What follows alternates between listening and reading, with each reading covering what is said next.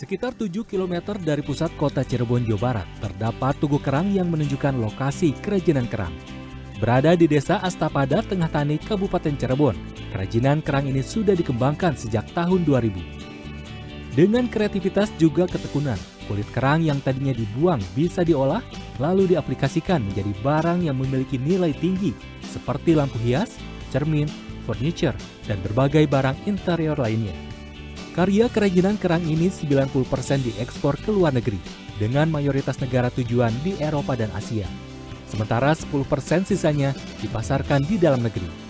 Sebelum pandemi, kerajinan kerang yang dikirim bisa mencapai 5 kontainer per bulan, di mana satu kontainernya bisa berisi puluhan ribu produk interior yang berukuran kecil, dan nilainya bisa mencapai 50 ribu dolar Amerika atau sekitar 770 juta rupiah.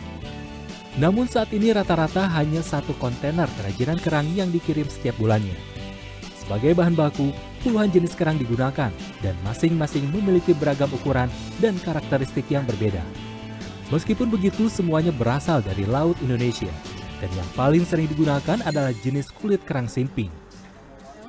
Itu banyak karena dia juga eh, bisa dimasak kemudian dibumbui menjadi lunak, kemudian dicetak asli semuanya dari kerang hanya dengan disambungkan dengan uh, lem tertentu aja. Kemudian dilapis dengan semacam cairan plastik itu uh, sudah jadi sesuatu.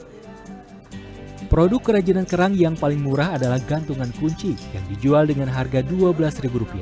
Sementara yang termahal yang saat ini terdapat di galeri adalah figura besar yang dilapisi dengan kulit kerang mutiara dan harganya mencapai 29 juta rupiah dari sekitar 20 jenis kerang yang biasa digunakan, ada satu kerang yang paling rumit dan itu juga membuatnya paling mahal yaitu kerang kulit mutiara seperti ini. Untuk potongan 1 kali 2 cm ini saja dibutuhkan tiga alat potong dan tiga orang yang mengerjakannya. Jadi terbayang betapa lama mengerjakannya ini tergantung tentu saja dari bidang yang dibutuhkan.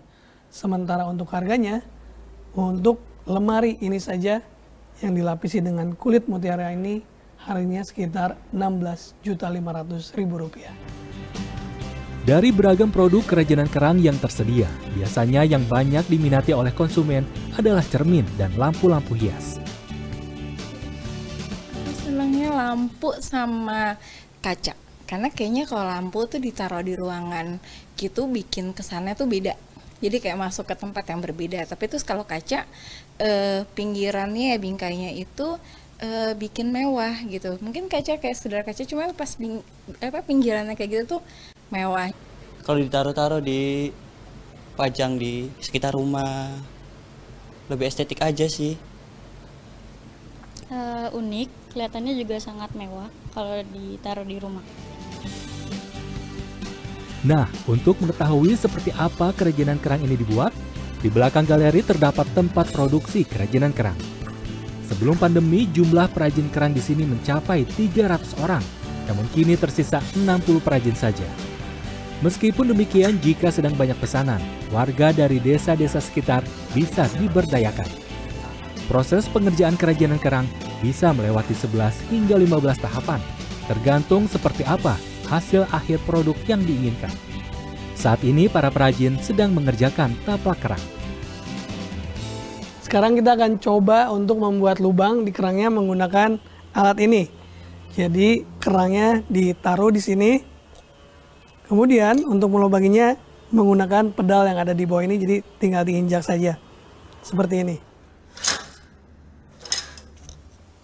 Nah, setelah ini nanti kerang akan dipotong menjadi kotak seperti ini dan setelah itu prosesnya adalah dipanggang selama 2-3 jam dan nanti akan keluar warna seperti ini.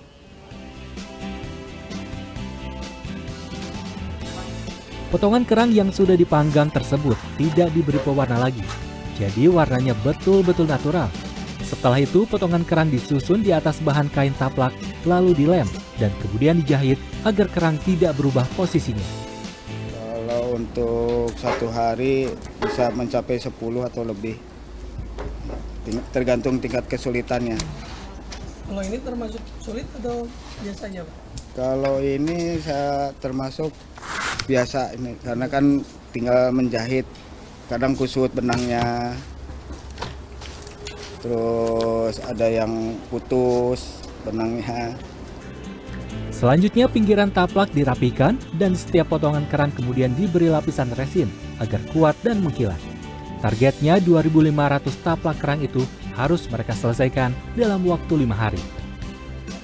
Karya-karya kerajinan kerang ini diharapkan dapat terus berkembang karena menjadi daya tarik tersendiri, khususnya bagi Cirebon, baik untuk menambah kunjungan wisatawan juga bagi pertumbuhan ekonomi.